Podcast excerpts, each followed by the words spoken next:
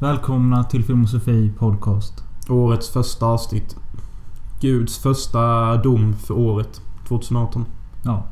Vi tänkte tillägna detta avsnittet. Till 2017. Ja. Året 2017. Vi kommer bland annat ranka de 10 bästa filmerna vi har sett.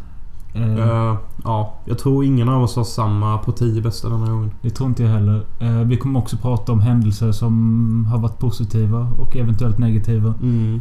Alltså helt enkelt en sammanfattning av 2017. Agneta Sjödins smällkarameller med Jonas Hansen och Ja. Robin Möller. Tänk, eh, undrar vilket avsnitt det blir när vi båda säger helt korrekta namn.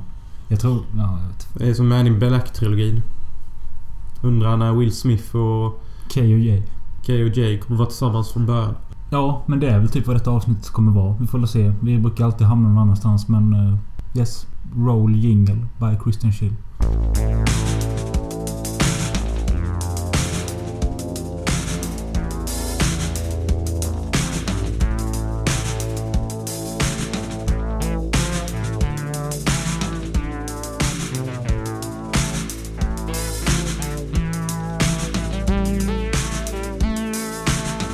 Vi tänkte börja med att prata om själva podden i sig.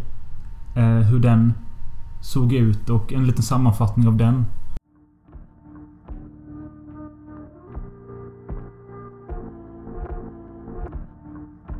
Vi började året med att få en helt ny mick.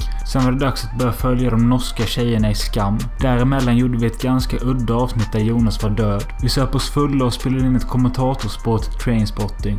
I avsnittet om svensk B-action introducerade vi dagens lista, som skulle vara ett återkommande segment men det varade i ungefär två veckor. Kort därefter hamnade Jonas i blåsväder på Facebook, vilket vi pratade med i avsnitt 44 och ordet transhets föddes. Möller fick för sig att börja göra YouTube-klipp där han visade sin filmsamling. Joel Westerling var med i podden och pratade om döda kändisar. Vi startade ett Patreon-konto. Det släpptes en teaser av Eyes of the Sun. Den 15 april grips Jonas beväpnad på en buss som skulle tagit han till påskådisen Sanna Ruff, som senare gästade podden. Mikael Nyqvist dör. Vi tog en tur till barndomen med avsnittet Barndomsnostalgi. Vi sålde några nya ex av våran film Själanöd. Vi spelade in en Q&A. George A. Romero dog. Vi pratade om Twin Peaks i 18 veckor. Vi skaffade Snapchat. Toby Hooper dog. Jonas försvann i Barcelona. Möller gick på stand-up. Vi såg The Square presenteras av Ruben Östlund. Umberto Lenzi dog. Vi började göra vloggar till YouTube. Charles Manson dog. Vi filmade en rockvideo. August Ames dog. Vi spelade in julpodden och släppte den alldeles, alldeles för sent. Här är vi nu. Alltså när du tänker tillbaka på vårt poddande och alla avsnitt vi har släppt. Vad är det som sticker ut från mängden från dig? Av alla avsnitt och sånt. Ja, ja. Eller det kan varit någon specifik eh, sägning eller film eller vad fan som helst. Det som sticker ut är väl... Eh, av avsnittmässigt sett kanske när vi spelade in med Sanna över Skype. Ja, det är ju... det- Ja, ja. Det är ju självklart det mest... Eh, vad fan ska man kalla det? Eh, det som sticker ut mest. Ja. Och det är, sånt, är också det jag tycker synd att vi inte gjorde mer experimentella avsnitt. För jag tycker det var jävligt kul att göra den lekövningen där jag var död. Ja. Och där jag kon, du kontaktade mig via Astral Voice eller någonting. Ja. ja. Jag tyckte också det var kul och det... Det tog inte så lång tid att göra det heller. Nej. Alltså det var bara en kort grej jag kom på och jag, det, det är ingenting som stoppar oss från att göra fler sådana. Nej, så någonstans hade jag nästan önskat att vi kanske hade kunnat göra lite mer draman. Kanske någon kort eh, sketch på 10 minuter som man inleder med eller någonting. Mm. Men eh, jag tycker vi ska sluta säga att vi ska börja göra saker för att det är också en grej vi kan spola tillbaka till detta året. Så många gånger vi har sagt att vi ska börja göra det och gö- göra det. Och vi håller det i två avsnitt sen är det som att vi båda glömt bort det. Det var väl inte kul helt enkelt. För kommer du ihåg? Jag tror det var i början av detta året när jag sa att vi ska börja varje avsnitt med en kort sketch där vi kör eh, kända amerikanska scener fast på svenska. Vi gjorde ett lätt avsnitt och det var... Whose shopper is that? Eh, Från Pulp Fiction. Jaha. Och det ville Minns jag inte ens. Nej men du känner inte igen det lite? Jo, lite. Jag ville att vi skulle göra en kort scen innan varje avsnitt ju. Eh, och du var ju på den delen men sen så dog det ut. Sen skulle vi börja med dagens lista och det... Jag har aldrig varit i Sarajevena. Nej, men din klocka har. Jag vet inte vad du pratar om. Vilken scen? Nej, jag vet inte. Jag är villig till att slå vad om att det var du som klättrade ur disken. Nej. Nej. Du får grubbla på det. Nej, du är alltid, du är alltid mellan två filmer. Det är Highlander och eh, American Psycho. Nej, du var nästan rätt. Nej, men du får leva med den. Mycket nyfiken. Mm. Okej. Men det är ju så här det hade varit då. Om vi hade fortsatt att göra det. Så Mm. hade det varit typ något sånt här. Jag tyckte också att eh, barndomsnostalgi-avsnittet var kul. Ja, det var Eh, det. Det var väldigt kul tycker jag. För då spelade vi Goldeneye. På 64 Ja, Vilket är förvånansvärt jävla roligt att spela. och sen så också att där var det inte direkt eh, så som jag minns att vi pratade särskilt djupgående om något. Utan det var bara lite om varje. Det var liksom om tv-serier, om musik. Eller var det ens musik? Det vet jag inte. Men det jag tänkte på att undra om det finns tillräckligt mycket annat material så att man skulle kunna göra ett sånt avsnitt två. Det tror jag nog. Det finns ju alternativ barndomsgrejer man sysslade med. Nu tog jag i alla fall från min sida bara de populäraste grejerna jag hade under min barndom. Mm. Men jag har ju massa skumma grejer och massa skumma saker jag tittade på som var populärt. Mm. Och sen så tycker jag också det är kul att prata om vår barndom för att... eh, jag har forskat. Jag, jag sa säkert det i nostalgiavsnittet men... 90-talistgenerationen var den mest bortskämda barngenerationen som någonsin varit i hela historien. Mm. Och är fortfarande. För att tydligen var det sån högkonjunktur då. Så att alla föräldrar var helt lyriska med hur de skämde bort sina barn. Mm. Och det tycker jag... Så här i efterhand tänker man att det stämmer nog. För man hade ju fan fem olika konsoler, 70 spel, 300 filmer. Det la inte jag några pengar på. Nej, precis. Nej, det är sant. Nej, alla filmer jag hade, alltså på VHS och sånt, det var ju mina föräldrar som gav mig liksom. Mm. ja. När jag pratar med mina vårdtagare. De bara... Det var inte smör på brödet var dag. Nej. Det var upp klockan fyra, mjölka korna. Ja. Hoppas på att man kanske fick en extra äggmacka. Mm. Jag kommer ihåg lyxen i TV-serien Raskens. Det är typ när de ska fira jul. Då säger Ida! Alltså mamman i familjen till Rask... Eller till sina barn då. Raskens det är en 70-talsserie med Sven Wollter. Men i alla fall. Så säger hon att på julafton och ikväll ska vi äta oss riktigt mätta och doppa potäterna i salt. Det är lyxen liksom. Annars äter de bara en torr jävla potatis. Men ikväll ska vi doppa dem i salt. Ja, det är ju sådana saker de definierade som lyx typ. Så vi har ju kommit långt. Har vi. Som folk och land. En annan sak eh, jag tänkt på angående podden det var ju att vi drog igång både Patreon och eh, film, eh, på Snapchat och sån skit. Och, eh, till en början där på första veckan så blev det ju ett antal användare på Patreon men de försvann i samband med att... Eh, eh, ja vissa var ju säkert att de inte ville stötta oss längre men andra var att... Eh, Pat- eller, ja det var vissa banker som var kopplade till Patreon blev bortkopplade. Och sen kopplade inte de människorna tillbaka sig. Mm. Det var ju lite fail. Men sen fick vi dock en fet donation på 25 dollar i månaden som vi fortfarande har kvar av Nice. en jävligt god lyssnare. Vi kanske ska lägga upp vår Patreon-video som vi har. Bara ha den där så länge. Ja just det, vi gjorde en Patreon-video som vi inte lagt upp ju. Vi kanske bara ska lägga upp den tills vi gör en bättre. För jag tänker att det skadar ju inte att det ligger något där. Nej, nej det är sant. Och vi började vlogga med. Eh, Det vet jag att vissa uppskattade och skrev att vi skulle göra fler av. Men det är liksom... Det tar tid att göra det med och... Mm. eh, Men vi har ju en liten vlogg på G. Kan vi säga. Men vi vet inte när den kommer upp. Och det är ju den där vi tillkallar, eller jag gör en ritual. Ja just Och det. tillkallar en kärleksexa. Ja. Om man nu kallar det vlogger kanske man kan göra. Men det är ju filmat som en vlogg. Ja. Ja, du nämnde Sanna Ruff-podden. Det är ju den, eh, den som blivit mest lyssnad på, vilket inte är så konstigt heller. För jag vet att den fick många klick på YouTube och... eh, Många... Ja, det är den mest lyssnade på Podomatic också. Och det beror ju självklart på att det är hon som är med. Mm. Um, vad fan vill jag komma med detta? Jag vet inte. Men kan, om du kan tänka... Vad, vad är det sämsta avsnittet vi har släppt? I år? Mm. Jag vet inte. Jag tror det var i år vi gjorde ett avsnitt som vi döpte till Get out from the blood void your personal radar. Och det tror jag är fan det sämsta. För jag minns ingenting från det. Eh, det blev en ful omslagsbild. Det blev en kass titel. Och jag bara för mig att innehållet var helt jävla astråkigt. ja, kanske. Jag vet inte. Jag har inte tänkt så mycket på vad som är kast. Nej, men eh, vi behöver inte prata mer om själva podden.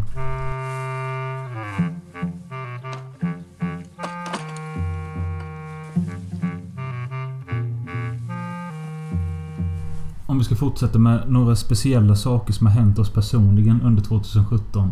Vad kommer du tänka på då? Ska vi ta upp stora händelser nu? Om du har någonting, för jag vet ju att du har haft ett mycket mer händelserikt år än vad jag har. Ehm, så jag antar att du har mer att säga och jag antar att både jag och lyssnaren kan räkna upp. Jag tror vi redan vet liksom. Ja, alltså de stora händelserna är ju... Har vi ältat? Ja, alltså liksom tagen av polisen där när jag skulle upp till Sanna Ruff. Ja. Och det har ni alla hört i vilket avsnitt för de som vill lyssna djupare. Det är väl en jävligt speciell händelse för det hände på påsken. Och jag Ja. satt liksom lugnt. Det Och, står påskafton ja. ja, påskafton till och med. Jag skulle ju bara liksom lugnt upp till Göteborg. hade bokat på tåg och buss eller vad fan det var. Och så kommer polisen där, M4 och alltihop typ. Okej, nu överdrev jag. Men det var vapen och grejer Ja. och regn och de drog ut mig framför bussen och... Och det var en helt jävla skev dag. Ja. För att, ja, men liksom att bara att det poppar upp överallt. Jag sitter här hemma bara ah, Aftonbladets polisen ringer mig och jag bara Vad är det som händer? Skapade Quiet Riot hela, Ja. hela Sverige. Och sen så är jag typ rikskändis i en vecka. Ja. Och får svara på intervjuer och får smaka på det livet. Vilket var kul. Vilket var intensivt. Ni kan höra mer om det i avsnittet Extrasode, Jonas gripen och scenen med Sanna Ruff. Det ligger runt avsnitt 40 i listan. Ja, och det finns ett avsnitt som också behandlar det som heter Ap- Apocalypse Porn. Och lyssnar man på avsnittet med Sanna Ruff så pratades det lite om det där med. Mm. Och sen den andra händelsen som jag tycker kanske är någon av de sjukaste av hela mitt liv. Det är ju när jag gick vilse i Barcelona. Mm. Eller ja, vilse och vilse när jag gick full metal dekadens Jonas Hansen. I Barcelona och liksom är ute hela natten i någon slags jazz Ja. eller vad fan man ska kalla det. Och bara flummar runt helt i en helt... Typ nästan en av de största städerna i världen. Och liksom verkligen utmana livets öde. Det var också helt sjukt att sitta här hemma och liksom bara få sms och skit av de andra att Jonas är borta, vi har ringt polisen nu och jag bara Ja, nu är det kört. Vad tänkte du då? Nej, men jag, Tänkte du att han är död?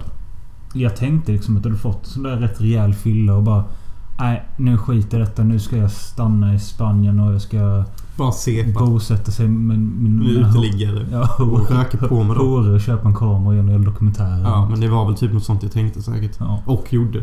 Delvis. Ja. Men där kan man ju lyssna Men på... samtidigt tänkte jag också att det kan ju vara så att du är så jävla väck liksom och... Ja, du går in i en gränd typ och där har någon misshandlat dig till döds typ och rånat dig. Ja. Och jag var ju delvis lite skärrad så jag har säkert sprungit från någon. Mm. Det var när jag kvicknade till. Men det kan ni också lyssna på i detalj i avsnitt...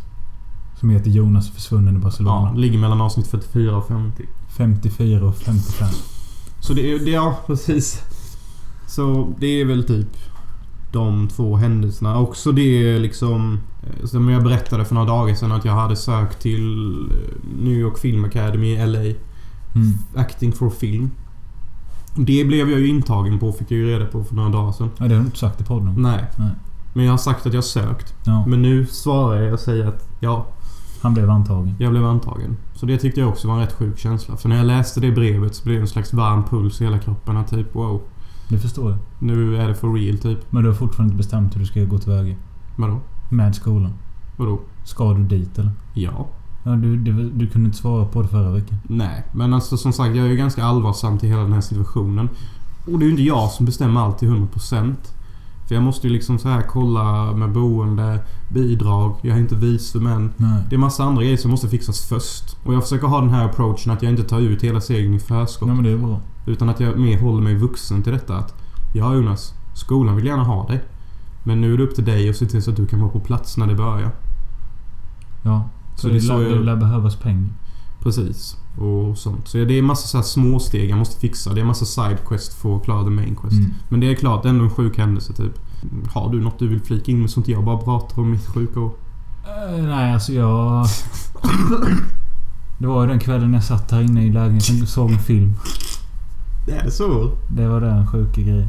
Nej men fan det finns väl lite små grejer liksom att vad fan jag var uppe på scenen med ett av mina största eh, idolband. Ja men det var rätt coolt. Och drack Jäger med dem och så och det var ju kul. Eh, och det är ju inte likt mig heller så det är mycket sånt jag har ju liksom gjort. Snackat massa halvkändisar och sånt. Trots att jag inte varit asfull. Och jag vet inte riktigt vad det är som har fått mig till att göra det och eh, det är positivt för min, för min del. Det är klart det är positivt som fan. Och jag gjorde det själv. Det är inte likt mig. Det är mäktigt. Mm. Sen har jag en annan sjuk grej. Du kan fundera lite om du kanske kommer på något. Men det är ju faktiskt när vi spelade in en actionscen till Ice the Sun och jag skulle vara hos Alex. Och det var kalaset samtidigt så att två av hans kusinbarn eller brorsbarn eller vad det var eh, joinade inspelningen. De var, den ena var sju och den andra var typ 11 eller någonting. Mm. Det tycker jag var askul. Jag tycker verkligen det är riktigt roligt att spendera tid med barn typ. För att de är så roliga och inte alls lika tråkiga som vuxna är. Alltså barn har ofta så här förhoppningar och tagg och spontanitet. Och, och sånt. Sånt som typ de flesta vuxna inte har. Mm. De är typ jättetråkiga de flesta vuxna. Men barn de är liksom... Ja men... Det är därför jag typ diggar barn mer än vad jag diggar vuxna tror jag. För att jag känner mig oftast mer som ett barn än en vuxen och det säger jag ju ofta. Och det är för att jag har alla de här spontanitet, glädje, fantasi och inte massa såna dumma Ja, negativitet och... och begränsningar. Nej, visst jag har väl rätt mycket ångest emellanåt. Och sånt. Dumma vuxengrejer. Men i kärnan så känner jag mig mer som ett barn än en vuxen. Mm. Och i alla fall, men den kvällen var skitkul att spela in med dem för att det var liksom kul att skjuta ner dem och så. Ja, de verkar du tycka det var roligt med. Ja, och de gav ju karaktärer till sekten för de Mm. fick spela sektmedlemmar. Men det som jag min, gör att jag minns kvällen mest är ju för att Alex var ju asfull när vi kom dit. Ja. Och drack så här vin en jävla gammal olivburk eller någonting. Nej, fy fan. För att han hade tvättat den och fyllt upp den med vin. Vet, så här, som en sån Ja. classy hobo. Eller någonting, jag vet inte fan. Och sen så när vi var på Donken så hade, efter när vi käkat och så sa han att han var tvungen att spy. Och så filmade jag den spyan och det blev typ en jättemega spya. Ja, alltså typ såhär fem kaskadstrålar. Det är hemskt. Och han hulkar som en jävla full padda. Typ bara "Åh, åh, Nu kommer det! Och så bara "Åh", spyr han som fan. Och det blev en skitcool scen till Ice of the Sun med. Och det tyckte jag årets mäktigaste spya. Finns det någon topp tre där eller? Nej, det, den är väl topp ett. Sen vet jag inte om det finns någon topp två eller topp tre.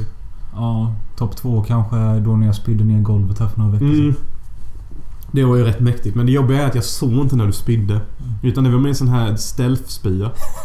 För att jag hade typ hetsat dig till att dricka asmycket rödvin och du gjorde det.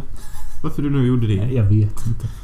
Och sen så när vi vaknar på morgonen så står, ligger det två stora rödvinsblodsspyor mitt på golvet.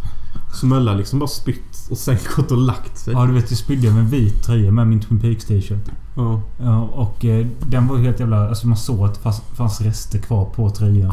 Av blod och mat typ. Och jag tänkte, ja, vi- vit tröja, rödvin, den är körd. Mm. Tvätta den helt normal. Ja, vad bra. Rödvin har väl inte samma kraft längre och tvättmedel har väl blivit bättre. Så det är väl typ de mäktigaste händelserna. Och sen såklart så var det ju premiär för Star Wars Last Jedi. Som jag snackade om i förra podden och det tyckte jag också var en skitmäktig händelse. Och det, ja... Det behöver jag inte heller gå in på så mycket men det är väl typ de händelserna som Mm. jag tyckte sticker ut mest.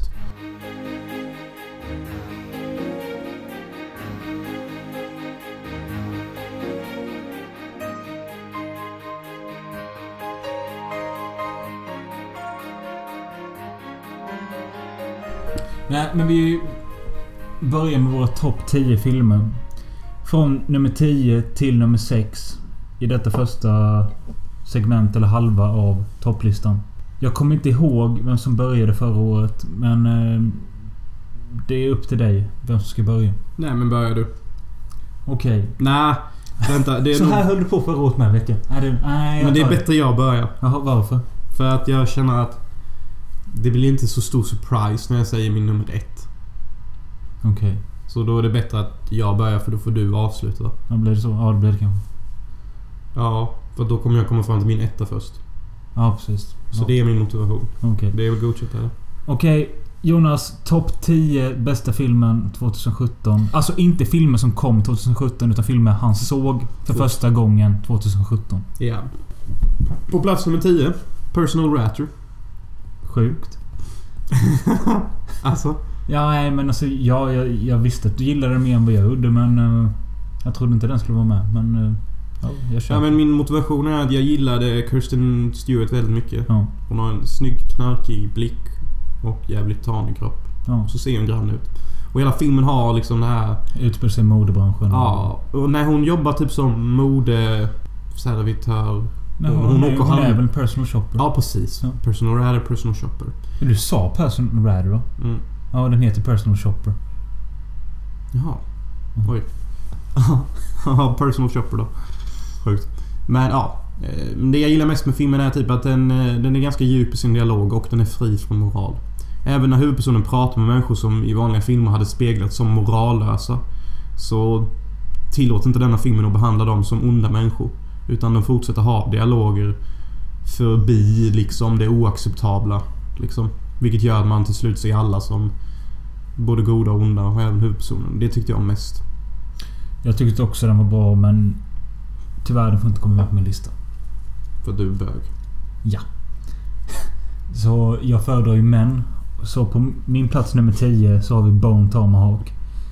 Eh, man kan ju tänka sig... Jag är bög.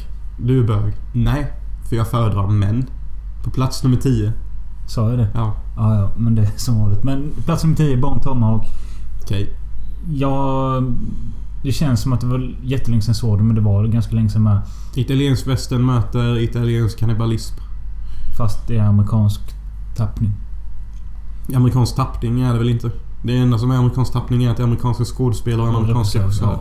Annars är det som en... Men eh, alltså jag tyckte om eh, speciellt alltså, dialogen och att eh, Trots att den håller på i typ två och en halv timme och är ganska långsam så blir det aldrig tråkigt att titta på den. Och jag gillar det här som vi pratade om, den här regissören som jag glömt namnet på igen. Men han har ju också gjort Brawl in Cell Block 99. Ja precis, att han är på väg att typ ta upp någon slags exploitation-film igen.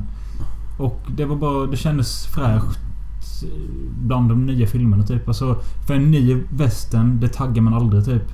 Men den här hade en egen touch på det så därför blev den så pass bra. Mm. Mm. Och där har vi min motivation. Ja men jag håller med. Det var en bra och insugande film. Men du såg den nog året innan. Jag tror det. Ja. Det tror jag. Min nummer 9 är en film som inte du har sett. The Professional 13 Gigolo heter den. Det är en manga. Action. Något, Som- låter som något du hittat på. Nej typ. men den kom under 80-talet typ. Handlar om en hitman som typ bara skjuter ihjäl olika folk. As-stilistisk. Jättemånga goa brudar och så sliskig action.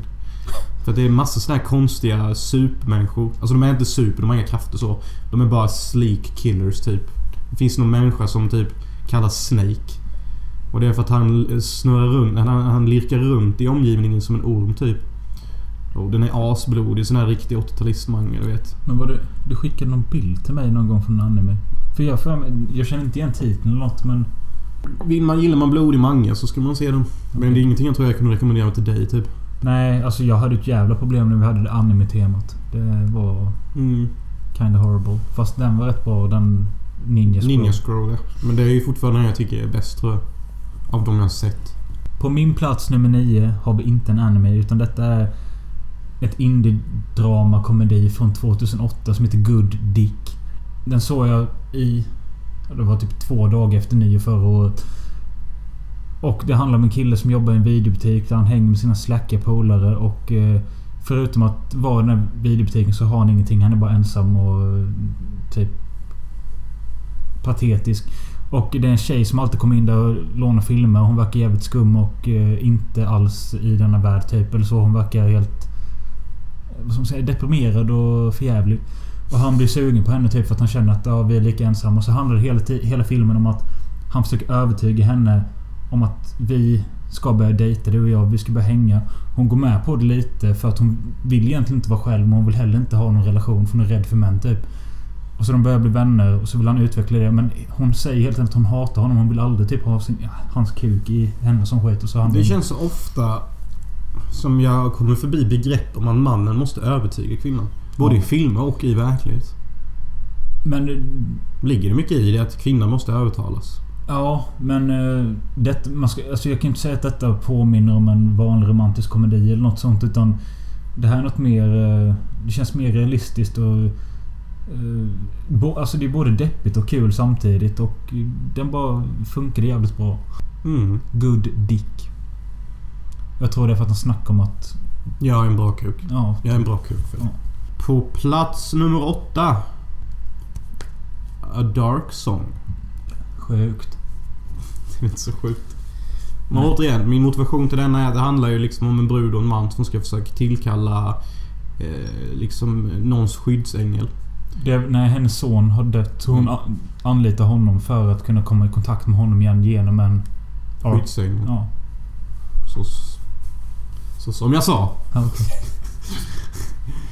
Och eh, nej men jag gillar den här filmen för att eh, jag tycker det är på hög tid att man bevisar intelligens i såna här filmer och inte behandlar såna här filmer som hokus pokus. Mm. Och de flesta filmer som kommer nu inom den här kategorin med spöken och andevärlden, de tar det jävligt allvarligt. Det är inte som förr typ där det bara Exorcisten, suck your cock Nej, och sånt. precis. Utan det är mer... Det är mer typ så här, ja, men om du vill ta kontakt med den då måste vi liksom göra de här stegen. Mm. Vi måste hälla ut salt där. Det är väldigt by the book och intelligent typ. Och det tycker jag behövs och det är därför jag gillar den här filmen. Ja, hela den filmen har en uppbyggnad av att de liksom förbereder den här En ritual ritualen. typ i 90 minuter nästan Ja. och gör alla de här stegen och sånt. Och Väldigt seriös och eh, bra karaktärer och ganska humorbefriad. Nej. Den är väl lite humoristisk och det är rätt kul när han runkar till henne för att de, han påstår att det ska vara en sexritual. Jo, det är sant. Men det du sa att de behandlar liksom demoner och andevärld och sånt ganska seriöst. Det känns som att det har kommit lite mer nu på sistone. Jag tänker inte bara den. utan Det är lite likadant i Personal Shopper. För Mm. det behandlas också väldigt seriöst med spöken och där och sånt. Men det gillar jag som fan. Jag vill ha det så. Jag tycker det är speciellt i Sverige så är det för många som bara rynkar till näsan och sånt. Och bara säger det där är bara dumt jävla flumsnack. Äh. Sluta rök på. Har du inte sett besöken eller? Ja men besökarna tar det inte heller... Jo, den tar det väl lite så här halvallvarligt men nästan alla i den filmen tror inte på honom. Nej. Det är det jag tycker är problemet. Jag hatar liksom när det finns en överdrift av karaktärer som är så här typiska emot. Mm. Men det finns det ju i... Jo, det finns ju förvisso i, i 90% i alla Ja, fall. förvisso är det ju väldigt mycket sånt i verkligheten. Men jag tycker liksom när man gör sin film så kan man ändå typ kanske ta bort dem bara för diskussionens skull. Mm. Typ istället för att ha typ att alla inte tror på det. Varför inte bara prova en film där alla tror på det och se vad som händer? Om alla väljer att tro på det. Det blir ju en annorlunda film då. Det blir inte de här stoppklossarna och sånt.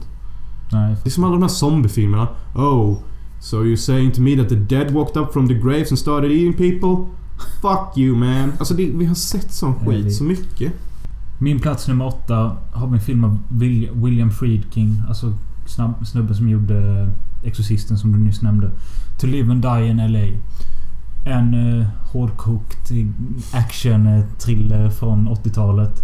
Jag har vetat att den existerat ett tag men aldrig liksom tagit mig an den.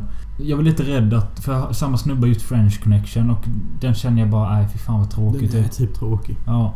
Men den här liksom, det är några år senare. Inte 70-talet, det är 80-talet nu. Det är lite glada färger, svängig musik. William Defoe som skurk som är, Man får se jättebra scen när han tillverkar fejkade pengar och eldar upp konst och skit. Han är häftig och huvudrollen vet fan vem det är men han är också ball.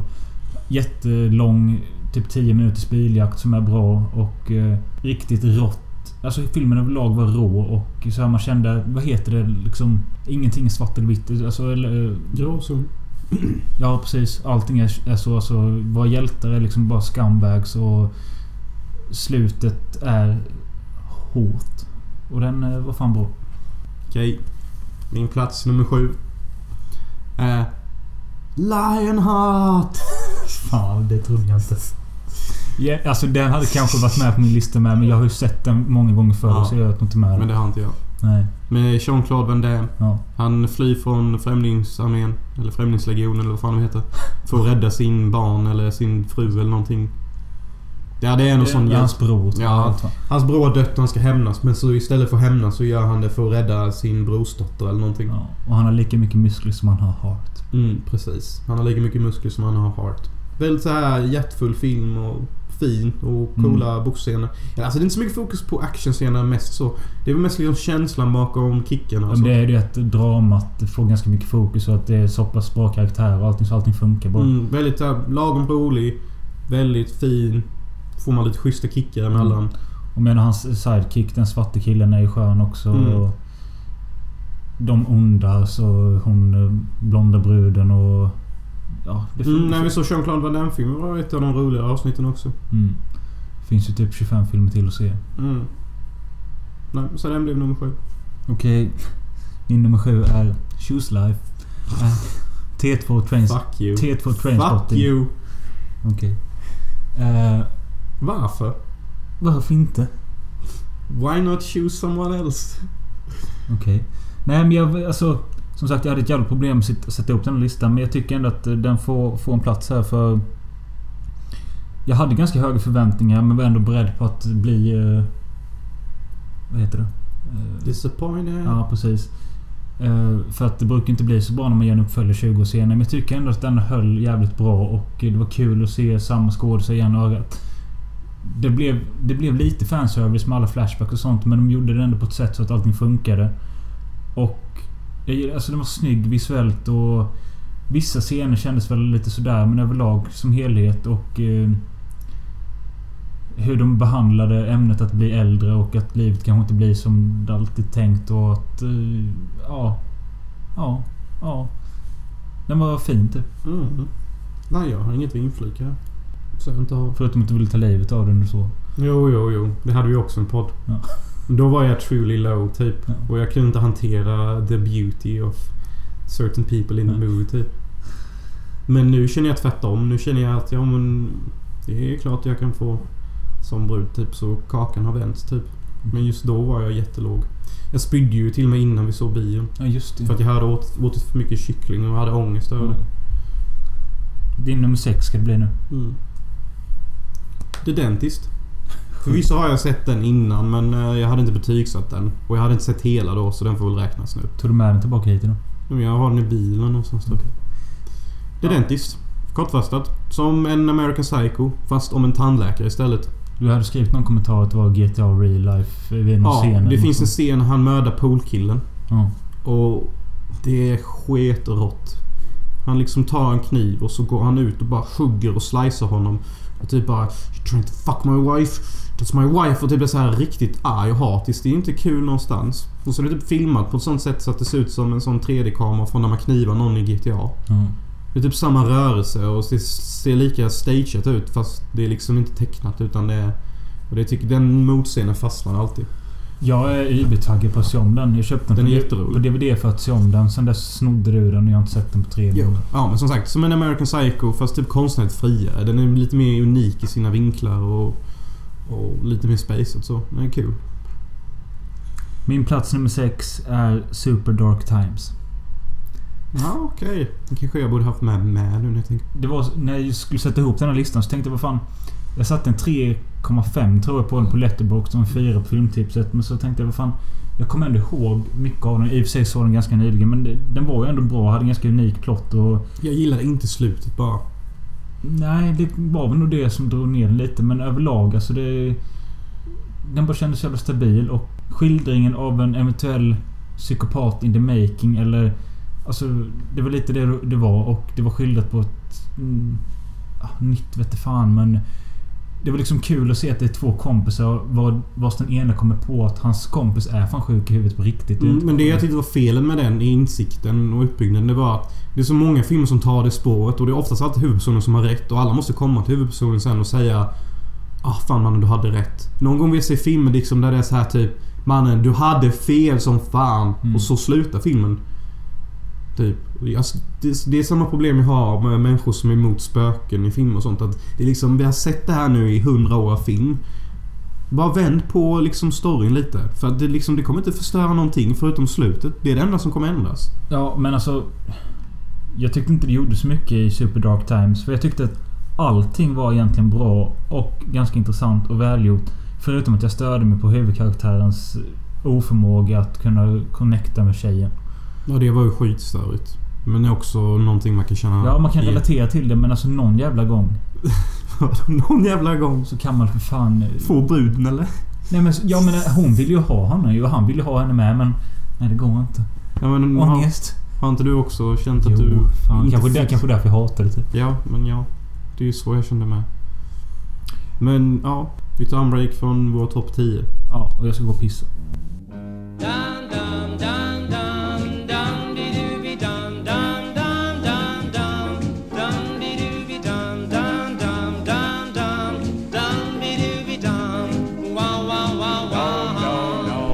Det vi ska prata om nu mellan den här topplistan och allt. Det är saker vi såg fram emot detta 2017. Som inte blev riktigt som vi ville. Så det blev lite sämre än vad vi hade förväntat oss. Hmm. Jag har inte direkt skrivit ner någonting här mer än att jag skrev... Alltså vi, vi väntade på Twin Peaks. Och Ja, det är väl den största disappointmenten från 2017 som inte riktigt blev som vi ville. Jag tror inte någon redigt var beredd på det. alltså... Jag var beredd på att det kanske inte skulle bli riktigt som man hade förväntat sig. Men jag tänkte, Mm, det var jag med. men jag tänkte att det, Alltså efter första avsnittet som var så riktigt flum, andra med eller vad fan det var. Så tänkte jag att ja, ja, men snart kommer det igång. Men... Sen så bara fortsatte den stilen hela tiden. Nej men så kom det igång så här typ avsnitt fyra i en halvtimme. Sen så gick det tillbaka. Så det kom så här en ljusglimt var tredje avsnitt. Mm, där det var riktigt bra scener och avsnitt som Mm. kändes Twin Peaks och hade den där fina närgående stämningen med folk som pratade till varandra som människor typ. Ja. Jag menar, hade man klippt bort alla tysta minuter i det här hade det fan förkortat. Man hade kunnat klippa upp hela säsong 3 till typ bara fyra timmar tror jag. Ja. Om man bara la manken till det. Det var så mycket skit som inte ledde någonstans kändes det som. Ja. Och det var så mycket skit som var så tråkigt typ. Och mycket skit man inte kunde förstå. Det kändes som man var tvungen att läsa en bok. Ja, verkligen. Och eh, som sagt, det finns ju en bok som utspelar sig mellan serien och... Eller säsong 2 och säsong 3 tror jag. Mm. The Secret Life of Twin Peaks. Ja men det var för mycket liksom så här flumvisioner och, och, och, konstiga effekter och för lite vanlig dialog. Typ. Ja. Alltså med vanlig dialog då menar jag typ så här Men en vardaglig situation typ. Ja, Eller- lite mer vardags. Men ettan och tvåan hade Ja. fullsmocket med liksom vanliga grejer med quotes-tecken då. För då blir det, Då blir de konstiga scenerna sticka ut lite mer istället för bara konstig, konstig, konstig. Ja, nu var det mer att de här vanliga scenerna var de som stack ut och var Ja, mäktiga. Precis. Och de alla flumscenerna och astral-scenerna var helt för mycket bara. Ja. Jättesegt, skittråkig upplösning och... eh, totalt eh, underanvändning av Dale Coop. Bara med i typ ett och ett halvt Ja. avsnitt. Eh, och han är ju liksom hela seriens kärna typ. Ja. Utan honom blir serien väldigt så här. Serien har ingen riktning utan honom. Istället får vi Dougie som spelar retard i... Ja, 17, 17 avsnitt Ja. typ. Och bara går runt och fattar ingenting. Jag kommer ihåg typ när vi var där inne på avsnitt 6 eller något bara. Ja men snart så vänder det. Snart blir han Coop. Serien hade kunnat bli säkerligen ja, i alla fall två eller ett poäng minst mycket bättre. Ja, ja. Om han hade varit Coop från säsong 4 typ. Mm. För då får serien en puls, den får en riktning och den får ett fokus. Det är tal om att det blir en säsong 4 men det är inte Ah, klart. man taggar ju inte direkt mycket. Nej, så varför får de ju hyra in något annat? Jag vet inte. Nej, ja. Okej. eh, det blev lite ändring här nu men vi ska snacka om saker vi hade satt som nyhetslöften förra året. Som vi ville att vi skulle göra 2017. Eh, jag hade typ en grej, du hade tio. Vi kan, jag kan börja med dina. Så kan jag bara svara snabbt på hur det gick. Ja. Klippa klart Eyes of the Sun. Har väl klippt lite mindre än hälften. Gött. Eh, tjäna cash på podden. Ja, det kan man ju nästan säga att vi har gjort. Ja, ja. Nästan, Ja. fast det har vi inte. Ja men så vadå vi får in pengar. Men det kostar ju mer än det smakar. Ja, det är sant. Hör ni det? Eh, bli famous eller på god väg. Blev ändå lite famous en vecka i alla fall. Jo. Och är lite på god väg. Jo. Ja. Eh, res någonstans, kanske en sexresa och dokumentera. Sexresa blev det ju inte. Nej. Ja. Men det blev Barcelona i alla fall. Skriva en novell på 70 sidor. Minst. Och det kan jag säga att det blev det inte. Jag började på någon novell som hette... Eh, det var en rätt bra titel. Jag tror du kommer gilla den. The Whore, The Bum and The Hero. Skulle den heta. Helt okej. Det skulle handla om, ja, tre personer. The Bum, självfallet. The Whore, ja. Och så en hjälte då som skulle vara en ex-snut eller någonting. Och de skulle bo i en risig lägenhet och deras liv skulle... Så här, de skulle vara bästisar typ. Jag tyckte det var, kunde bli en fin. Låter lite kul. Ja. Eh, få löneförhöjning på P5. Det fick jag inte och jag jobbar inte där längre. Vad är det för jävla nyårslöfte? Den här då. Eh, läsa The Art of War samt eventuellt Mein Kampf. Det var ju kul nyårslöften. Det ångrar jag att jag inte läste. Men de har jag inte läst. Eh, utöka min personlighet i den riktning den begär oavsett moral. Jo men det kan jag säga, det har jag gjort. Spela in en påse. Det har jag också gjort. Sluta vara rädd för kvinnor om det ens går. Det är det jag fruktar mest. Det har jag inte lyckats med.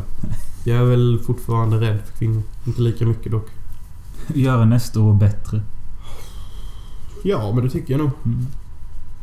Ja, du har ändå eh, gjort saker som har betytt mycket för dig mer 2017 än vad du gjorde 2016. Jo, men det kan man nog säga. Det enda jag sa, min lata jävla... Och har du gjort det? Jag ska färdigställa mitt manus jag inte ens skriver på. Var mitt nyårslöfte. Jag har inte öppnat dokumentet. Alltså, jag ler, men det är knappt kul. Ja. Det är så jävla kast. Jävla lat kan en människa vara typ. Ta tag. Usch. Fy fan. På dig ibland. There's a day of feasting and a day of famine. Day of sadness and a day of joy.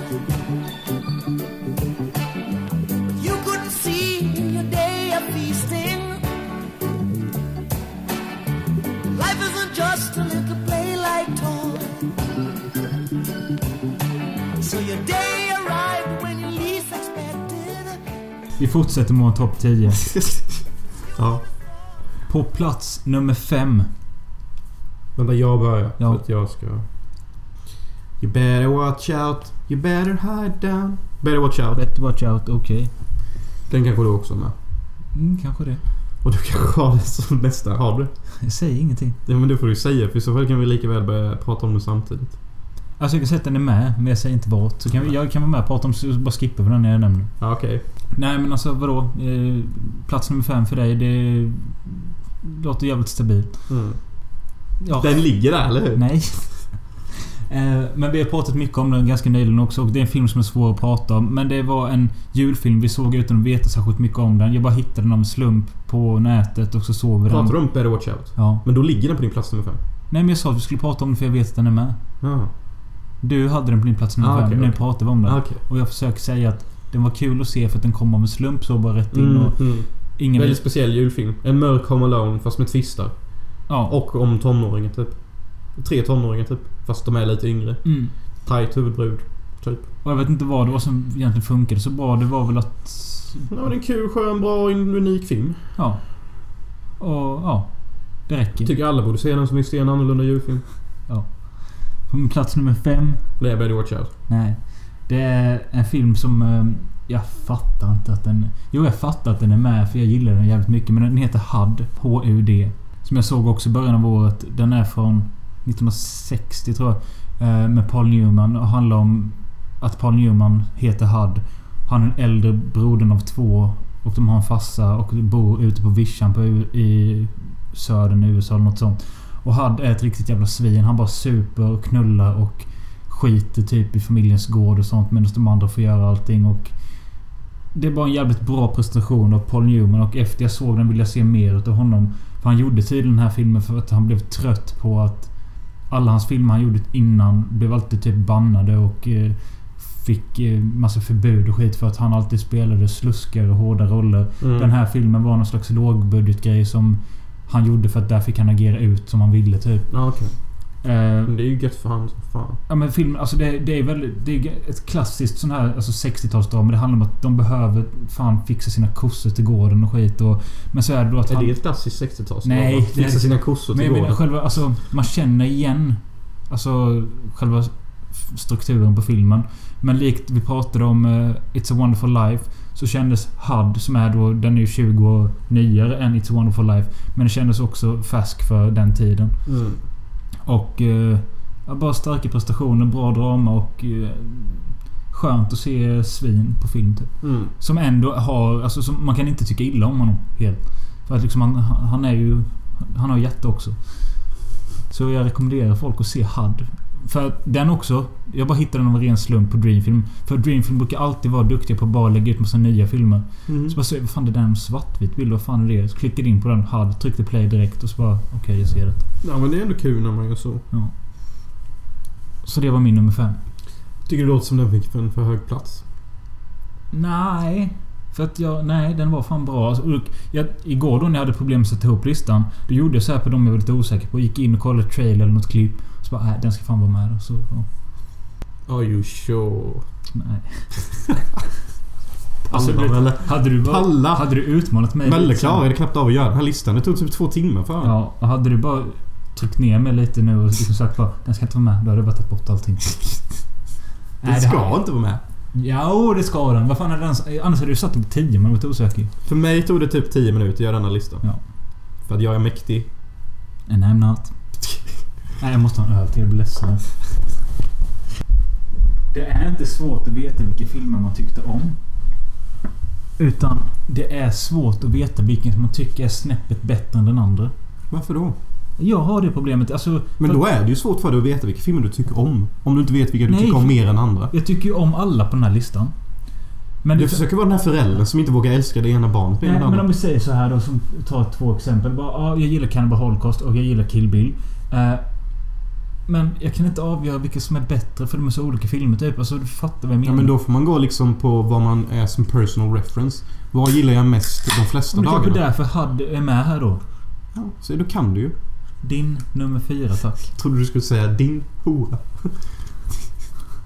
Min nummer fyra. Jag bara leker lite med dig. Mm. Jag tycker det är bra att du har ändå de här svårigheterna.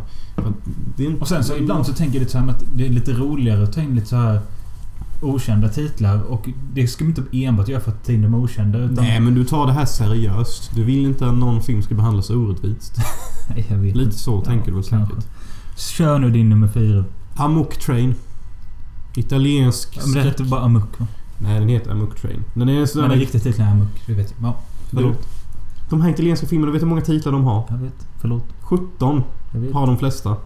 Ja, och jag vet också vilken film du pratar om. Jag har inte sett den. Mm. Italiensk skräckfilm från 80-talet. Under den tiden då italienska filmer började dala ut och inte vara bra längre. Mm. Men de hade en sista sputt i mitten av 80-talet. Och då var de nästan som bäst för att de filmerna vågade vara mer blodiga och Ja, sånt. det är därför jag tror på den här Amok Train. För att bara det lilla jag såg... Jag började kolla på den. Mm. Och det kändes lite mer fart, lite mer slis, lite mer allt. Den börjar ju lite som Fredag 13 del 8. Det är ett gäng ungdomar som ska åka på någon eh, studieresa. Och den här huvudledaren är lite skum. Fast han är mer skum med detta. Och sen så åker de på ett tåg.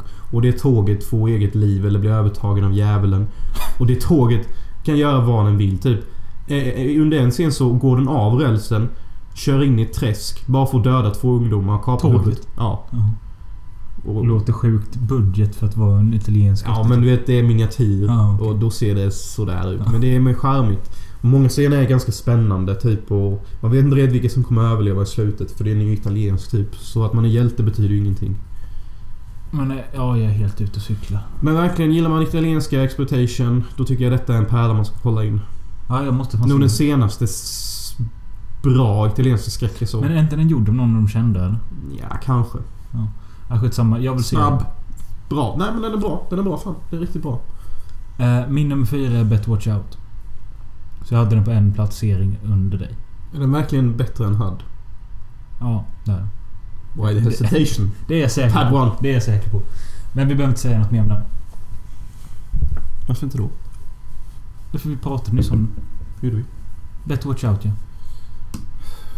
Det kommer vara svårt för mig men... Jag har spenderat för mycket tid åt Alzheimers så jag har blivit smittad. Herregud. Vi pratade nyss om Bet Watch Out och det vet jag att du vet. Jag vet att du vet att jag vet. Så nu är vi inne på de tre viktiga.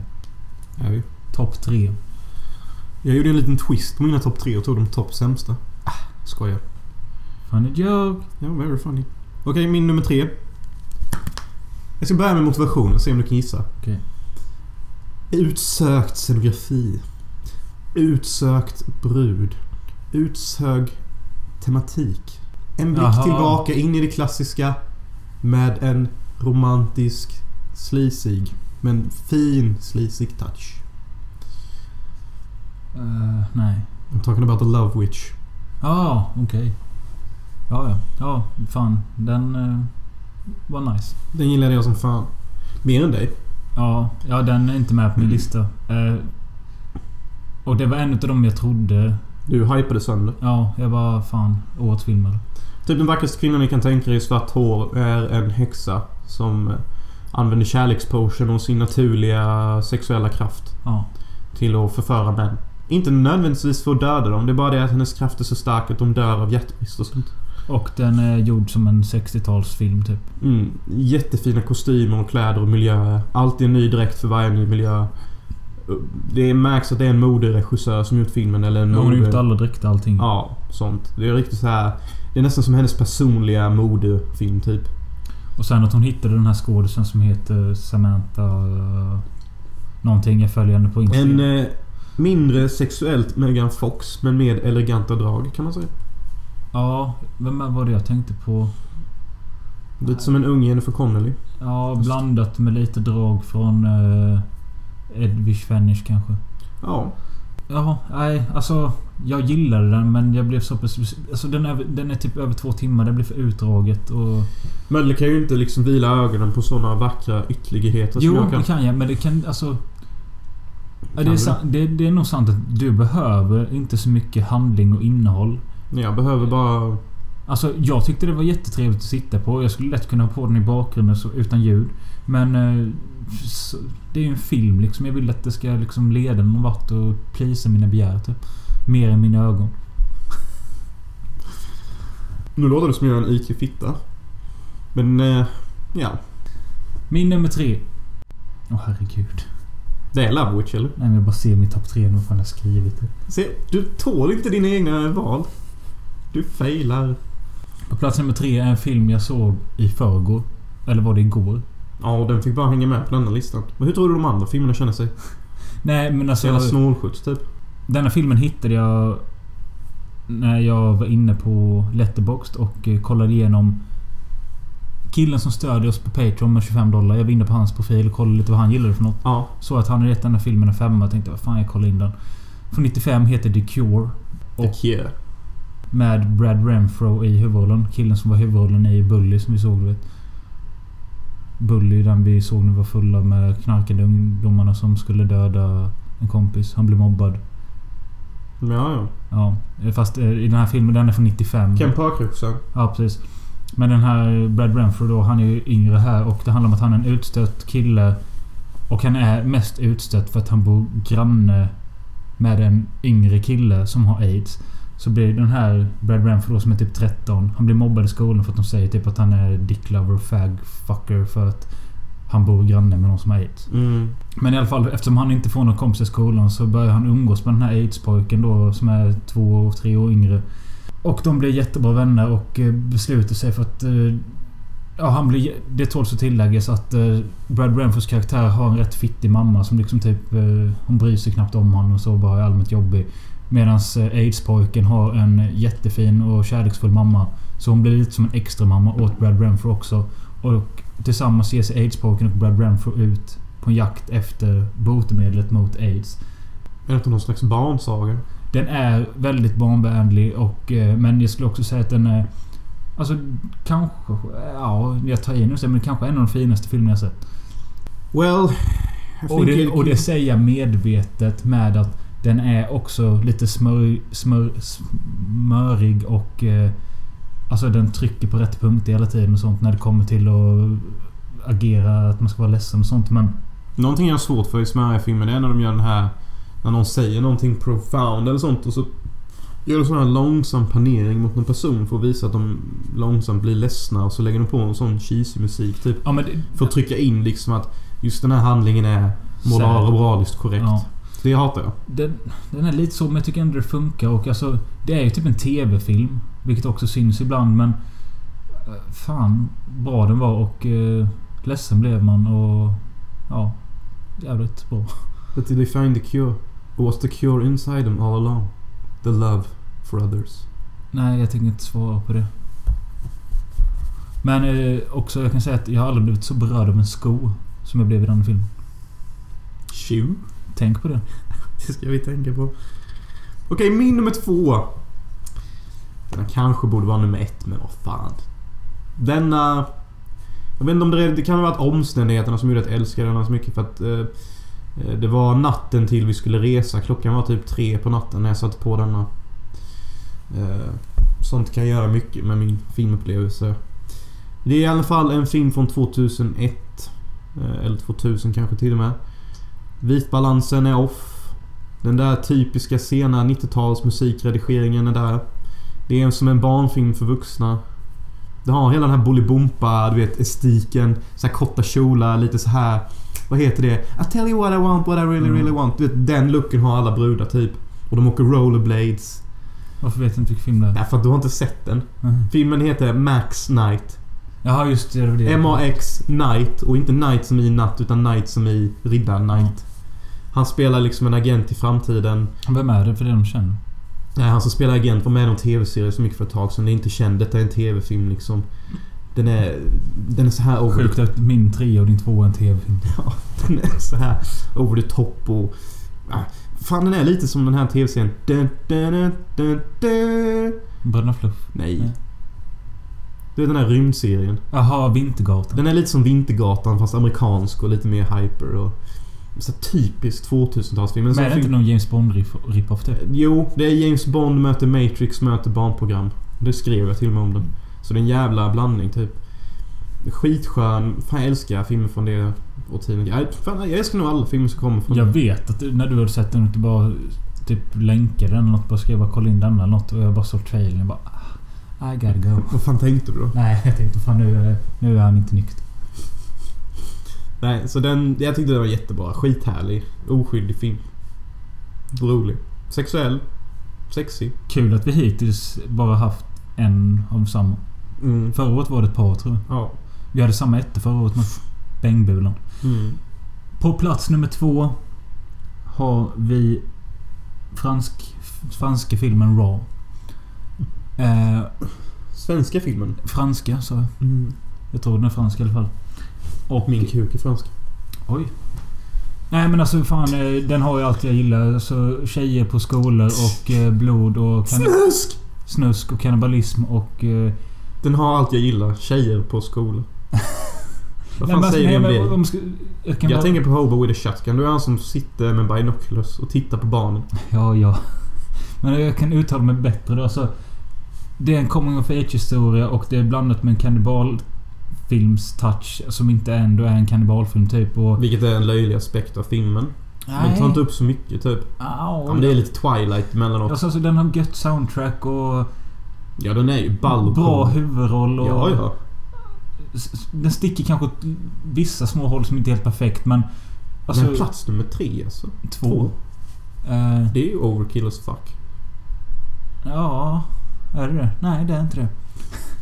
Jag försöker bara göra det osäkert. Nej men alltså jag har ju bara sett den en gång men eh, den, jag tänker på den rätt ofta. Nu har jag köpt den på Blu-ray med så ska jag se om den. Frågan är, tänker filmen på dig? Ja men det tror jag.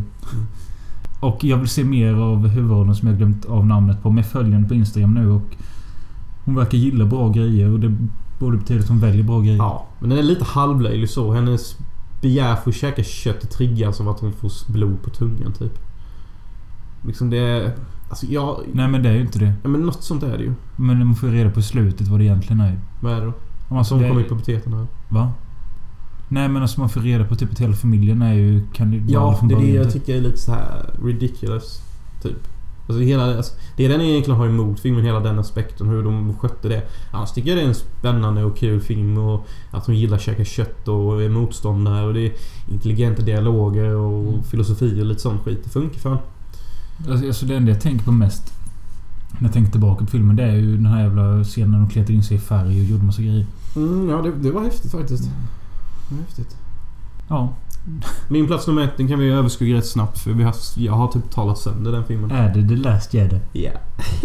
Det trodde jag faktiskt inte. Varför inte då? Alltså i och för sig, jo nu när du dragit nio filmer innan så tänkte jag okej då måste den vara etta. mm. Men jag trodde fan inte du skulle sätta den som etta. Det är den bästa filmen jag har sett i år. Är den den bästa på listan? Vet du fan. Mm. Men bara det att jag sett den typ sex gånger och jag såg den för två veckor sedan. Ja. Vilket betyder att jag ungefär sett den en gång varannan dag. Tycker jag säger det mesta. Det är sjukt. Jag älskar den. Jag, jag tycker den kommer under såna perfekta omständigheter i mitt liv med. Jag tycker filmens budskap och tema den har om att vara en misslyckad person och sen resa över och sen inspirera andra.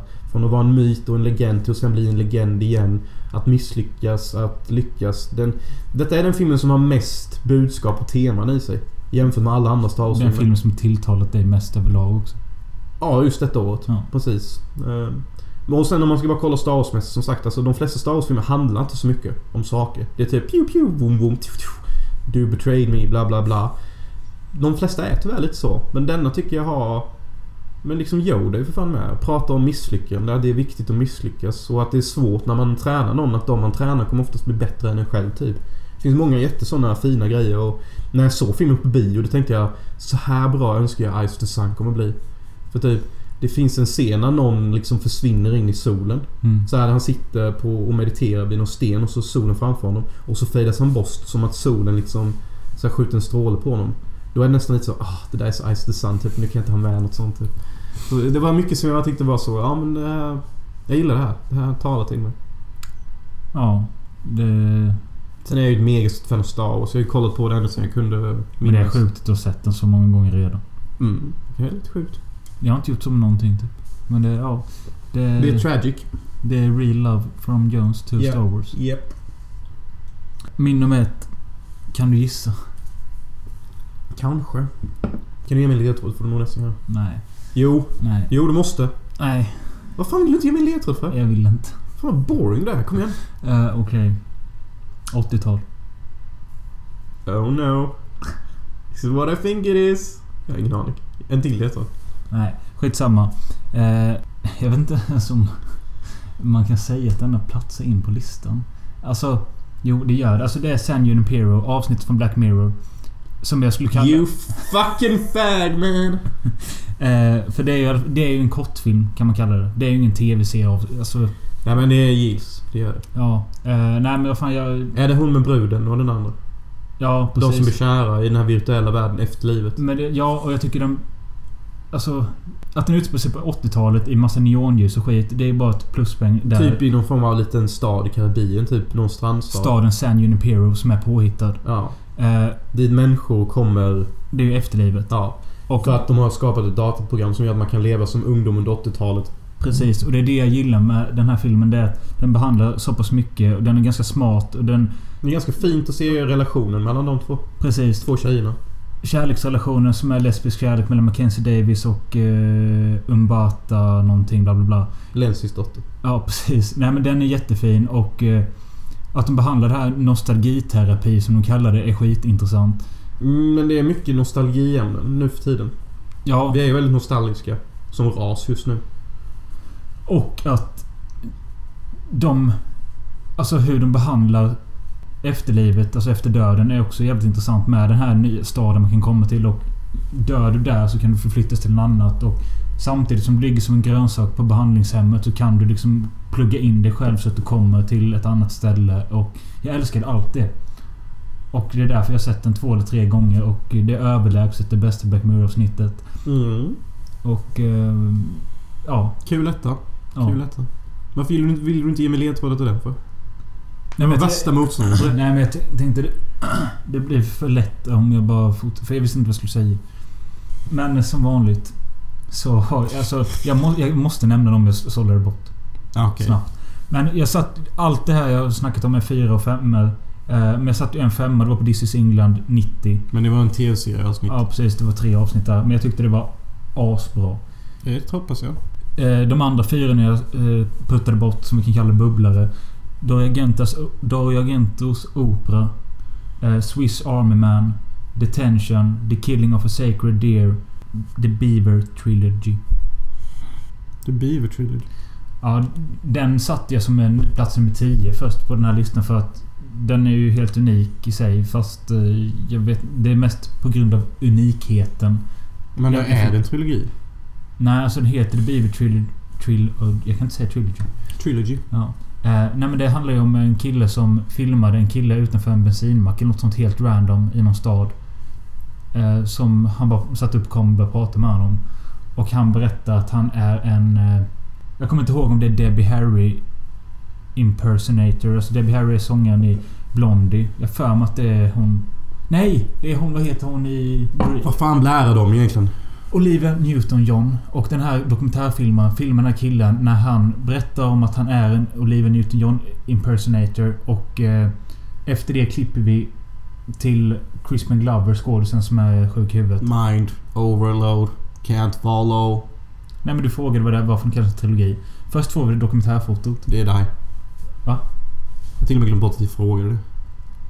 Okej, men det är i alla fall så här. Först filmar man en dokumentärdel som är på riktigt. I- Några år senare så filmar de... Iscensätter de den här dokumentärdelen. Fast med Crispin Glover. Du vet han som är Dead Fuck och Thin Man i Charlies Änglar. Mm. Han iscensätter den här dokumentära första delen. Mm. Fast gör en liten fortsättning på det. Ja, ja. Och sen en tredje del som gjordes ytterligare, några år senare. Så tar Sean Penn rollen som den här dokumentära Ja, ja, delen. ja, ja. Nu fattar jag. Och bygger på det ännu mer hur det kunde gått. Ja, det fattar jag. Och det blev bara så jävla intressant hur de gjorde det. Det är typ ett konstprojekt och jävligt bra. Fascinating. Mm. Alltså jag kan ju säga så här. eh, det var ju många filmer som jag tänkte på. Som jag försökte eh, se nu på de sista veckorna innan vi skulle göra detta. För att jag tänkte att de här kommer säkert hamna där som jag sett fram emot länge. Det var Mother av Darren Aronofsky. Den har jag sett. Såg du hela? Mm. Ville man typ inte... Man blev... Alltså jag... Jag tyckte den var intressant. Intressant helt klart men... Eh, jag hade nästan... Jag har bara en fråga. jag hade nästan en... Jag hade lust att ge den ett högt betyg bara för att han vågar spåra ur så jävligt som den gör. Mm. Eh, men Det- det jag är tyckte ju- inte det funkar så bra. Men det är ju så här att... Jennifer Lawrence är en ultimat mamma. Som vill föda barn och bygga ett hus. Och de har ett hus som är mitt ute i skogen. Hon är ihop med en poet. Som Ja, författare eller... författare. Den här författaren... Javier Bardem. Ja. Lyckas till slut skriva ett sånt sjukt verk av fiktionell bokkaraktär. Men det blir ju konstigt innan det. Ja, men jag hoppar till Ja. the conclusion. Det verket blir så populärt att han lockar till sig tusentals fans typ. Som antagligen är en slags reflektion av vad han har skrivit. Mm. För att de människorna är helt störda i huvudet. Och de bara pajar hela huset och det blir kaos i huset.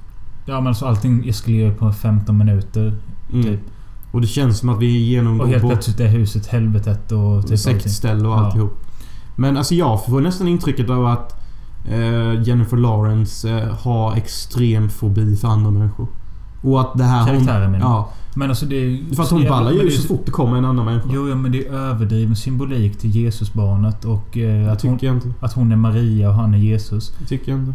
Ja, men det, det är bara vad jag satt och tänkte på. Och sen när jag googlade så alla bara...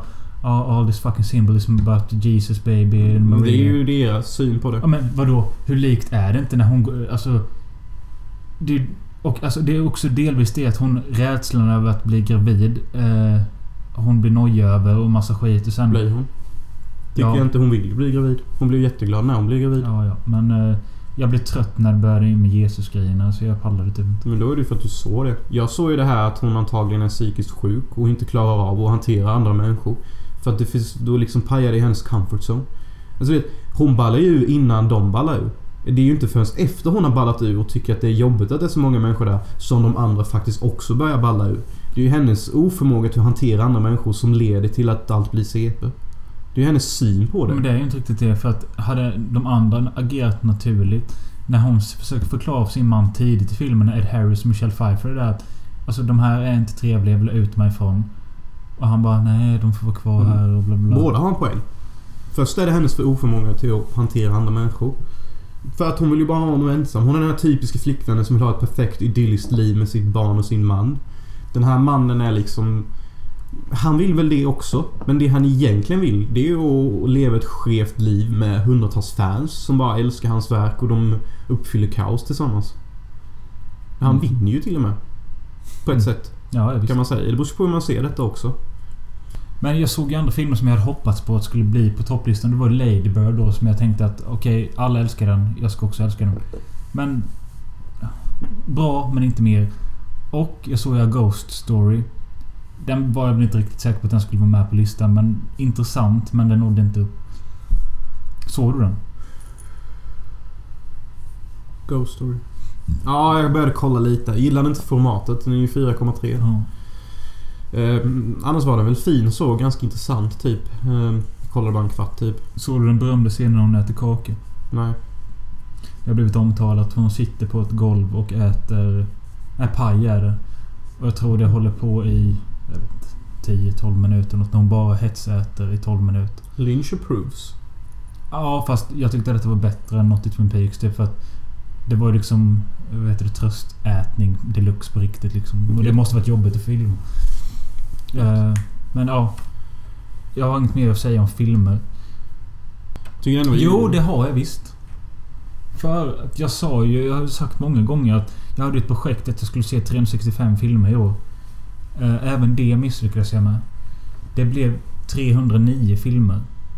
Eh, Vilket är ganska må- många tycker jag. Failure. The greatest teacher is. Ja. Eh, 309 filmer så i år. Eh, 32 stycken utav dem var kortfilmer. 100 av alla var omsedda filmer och alltså 209 nysedda. Eh, jag är inte direkt så här devastated över att jag inte nådde 365. Jag bryr mig inte egentligen ett skit. Eh, men det var... Hade jag... För jag låg jävligt bra till det första halvåret. Sen så bara kom sommaren och allting och jag bara sackade ihop och så var det svårt att komma tillbaka. Så nu vet ni. Jag lyckades inte med något. Du lyckades med att misslyckas. Mm. Det är alltid något. Vad ska man säga om filmåret 2017? Alltså för mig har inte alls 2017 varit filmfokuserat. Det är väldigt lite jag har tänkt på film. Såvida inte det är min egna film. Mm. Och det är väl kanske en stor anledning till att det inte har varit så mycket filmer och jag har tänkt så mycket på filmer. Det är därför jag nästan tycker att min lista är lite så här. Mm, den är lite tafflig så. Jag vill nästan påstå att jag såg bättre filmer förra året eller året innan dess tror jag. Men ändå tycker jag detta året helt klart några av mina filmer som definitivt kommer vara några av mina favoritfilmer i året tills jag dör tror jag säkert. Max Knight, Last Jedi. Eh, det är de två filmerna kommer jag definitivt alltid liksom ha så här ja men de två du vet, de kommer alltid vara med mig typ. Jag vet inte hur det ska... Alltså jag tycker det har kommit ganska mycket intressant film men... eh, Det finns så många så här som jag liksom känner att jag orkar inte ta tag i och se det. Alltså, det tog ju mig ett halvår innan jag drog igång Mother. Men ja men precis, det är det är intressant. Men så kan jag känna att 2017 har varit att... Filmer har inte intresserat mig lika mycket. Det Nej. känns som att jag någonstans har sett så mycket film nu att... Jag behöver egentligen inte se mer film för att lyckas i livet. Men- Jag menar inte att jag är liksom den heliga Messias när det kommer till filmtittande. Nej. Jag menar bara att jag har tillräckligt mycket filmtittande kunskap för att klara mig. Ja, men man ser inte enbart det för kunskap. Ibland är det bara skönt att sätta på någonting Exakt. Men man vill ju gärna ha en lärdom, en kunskap, en visdom, en, en, en, en uppgradering av ens inre system när man ser en film. Och I alla därför- fall Därför jag. ser du Max Knight då? Ja. För Okej. att den tilltalar mig estetiskt och handlingsmässigt och tematiskt. Okej. Ja, ja. Ja, ja.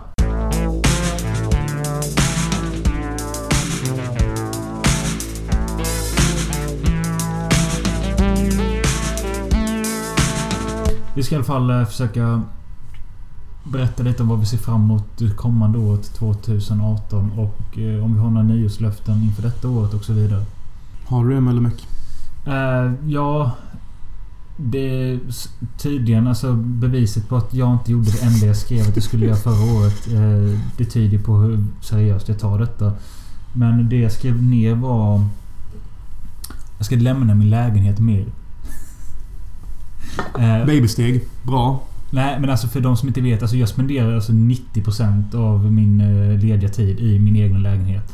Och det är inte det att jag är ensam. Alltså det är alltid någon här. Men alltså jag lämnar aldrig lägenheten. Det är väldigt sällan du lämnar lägenheten. Ja. Eh, Så jag ska försöka göra det mer... Kanske typ alltså... Gå ut och gå och springa. Ja. Åka iväg till någon stad. Ja. Sådana saker. Och jag menar alltså det är knappt att jag är inne hos Simon för att han är alltid här. Mm. Alltså det... Jag har inget emot att vara här men alltså man måste ju för fan... Onekligen. Har du inte det? Eh, och sen har jag skrivit an, använda min lediga tid bättre. Mm. Och det kanske... Jag hoppas att... Jag vet inte vad det kommer innebära men nu när jag inte... Inte för att jag tog det så jätteseriöst det här med att försöka se 365 filmer men det var ändå så att... Okej nu kanske man kan lyckas ändå. Då såg jag bara film efter film och skit. Nu när jag inte har... Jag tänker inte sätta något sånt att jag ska se några 300 filmer detta året. Utan eh, jag ska försöka ägna det till någonting som kan eh, förbättra mig själv istället. Kanske någonting du drömmer om att göra? Något sånt? Ja. Och... Eh, jag har skrivit komma i form och då menar jag inte att det ska bli i någon jävla bodybuilder. Men alltså jag vill bort med bukfetman bara på något jävla sätt. Jag känner mig också lite slapp i torsken. Men det, är- alltså, det är så jävla klassiskt och typiskt att säga det efter julhelgen när man har ätit som ett svin druckit som ett as. Men... Det blir så mycket alkohol och sånt under Ja. december månad. Alltså december månad är party month. Eller? Ja. Är det inte det? Jo. Alltså bara julafton exempelvis. Aldrig festat så hårt typ hela detta året. Eller ja, festade hårt gjorde jag inte men det var ändå hårt. Ja. Och, och allt drickande jag hållit på med var annat och skit. Ja. Party in December. Eh, och bli bättre på att ta tag i saker direkt och inte låta saker vänta. Mm. Det är det... Ja, det är allt jag skriver. Det låter som solida grejer att ta tag i. Kanske... När jag bestämde mig för att vara med... Det är ganska motsägelsefullt. Varför måste jag vänta till det nya året jag ska börja ta tag i saker? Ja, det är motsägelsefullt som fan. Men alltså det är bra grejer du tar tag i. Men alltså få hjälpa lite på vägen är att... Alltså försök hitta YouTube-senseis. Som kan hjälpa dig om du förstår. Ja. Alltså det finns massa människor på YouTube som lär ut om sånt här. Och det finns teaching videos och sånt. Alltså. Allting du behöver hjälp med hur du kommer in till att ta tag i ett liv finns på nätet och få råd om. Sök typ bara How to deal with my life. How to take care of things. Ja. Liksom, du kommer hitta så mycket som kan ge dig tips och råd. De kommer också så här prata igenom med dig typ hur du känner och varför du inte gör vissa grejer och hur du ska göra för att göra vissa grejer. Det kan vara bra att få en förståelse till varför man är en lat jävel typ. Ja, men det, jag ska också försöka... Jag ska på riktigt antagligen besöka en eh, läkare för att... Eh, jag måste... eh, Lugna din hypokondri. Ja, delvis det. Hypokondrin, ångesten och varför jag så jävla sällan känner mig pigg. För att du har ingen njutning. Nej, men det är det med. Så jag sover så jävla kast och jag... Fan. Jag tror det är det jävla fittskiftet jag jobbar alltså. Det är nog fittskiftet, att du är olycklig och käkar dåligt. Och sup. Det tror jag inte har så mycket med att göra. Det där är Alltid support i alkohol. Det där är någonting PK-människor och tråkiga människor alltid försöker lira ur en. Typ bara, du är inte så engagerad för att du dricker och festar med mycket. Så bara, ha. Någonting av det jag tycker är jävligt kul i livet är det som drar ner min ambition. Det är det du säger. How about you suck my fucking cock and go to your fucking church and fucking wank off typ. Det är ju lite som man känner när någon säger så. Mm. Det är ju inte det. Det är ju det typ att utöver det så gör du kanske inget annat du tycker är kul. Och liksom då... Det är liksom... Det är inte festen, inte... Man ska inte hugga på saker man tycker är kul i livet. Det är inte det som är problemet. Problemet är ju oftast de saker man tycker är tråkigt som ska bort. Men vi har ett sånt samhälle i Sverige där vi på något sätt alltid tänker på saker som är roligt och att det ska bort. Ja, det är sant. Verkligen. Men du, då var, har du också tio nya löften? Nej, jag har bara ett denna gången. Kan man se det som. För att jag tänkte att det var lite för många förra året. No lite såhär diffust också. Ja. Man kan väl säga två nästan i alla fall. Typ så här. Men det jag har är att nu när jag kommit in på skolan. Då är det så här. Se till så att jag kommer in till skolan. Och att du kommer dit och har boende och fan allting. Få färdigt Ice of the Sun så att när du åker till USA så har du med dig den som en extra artillerikanon till att kunna vinna allting där. Ja. Du kan hitta en producent, du kan sälja filmen, du kan visa den för dina lärare. Du kan visa den för filmmänniskorna, du kan få roller genom den, du kan tjäna pengar på den. Så mitt nyårslöfte är egentligen bara maxa allt du kan med alla möjligheter du har i USA. För att du kommer bara vara där ett år om du kommer dit, så gör det bästa av det bara. Och se till så att det liksom blir något form av momentum så du aldrig hamnar i en dålig svacka igen. Utan nu är det bara river down all the way typ. Det är det som är mitt nyårslöfte. ja, det låter gött. För det, det finns en möjlighet här till att kunna göra något stort av detta. Ja, visst. Jag ska Absolut. utnyttja det. För jag har precis varit på hälsokontroll som du sagt. Jag mår felfritt. Jag har inga lägenheter eller dumma skulder eller någonting. Jag har egentligen bara en enda stor portal av härligheter framför mig. Så när universum presenterar ett sånt läge så ska jag självklart respektera det och utnyttja det. Ja. det låter skitbra. Mm. På tal. Ja. Det här med att inte vara rädd för kvinnor. Man, it's a tough fucking nut. I don't know how I will do. Alltså, jag vill inte hålla på och tjata med den här Patreon för det verkar ändå inte hjälpa. Men jag tänkte att om vi kanske eventuellt ska släppa... Vi släpper tre avsnitt i eh, månaden. Mm. Och så gör man ett fjärde enbart för Patreon. Jo, det tycker jag. Det borde vi kunna göra. Ja, så Patreon supporters känner att de får för mödan. Precis. Det var det jag tänkte på. Det är vad som kommer bli det nya för 2018. Var fjärde avsnitt kommer hamna på Patreon. Precis. Förlåt er som bara lyssnar gratis men... Eh, som sagt, vi vill ju värna om de som betalar. Det är ju schysst mot dem liksom. Precis. Och man kan väl tacka Christian Schill en gång till för att han eh, delar oss hela tiden och det gillar Kommer med julklappar och Precis. sånt. Det är skitgött. Ta efter honom så blir ni... Ja, ta efter honom. För han är en bra man. Vi Du behöver inte säga något. vi är alltid så dåliga på att avsluta på det tycker jag. Nej. Vi säger bara hej då och ses nästa år. Fast det är ju nästa år. Så ha ett asgött 2018. Ja, det får ni fan ha så ska vi försöka ha det med. Jep.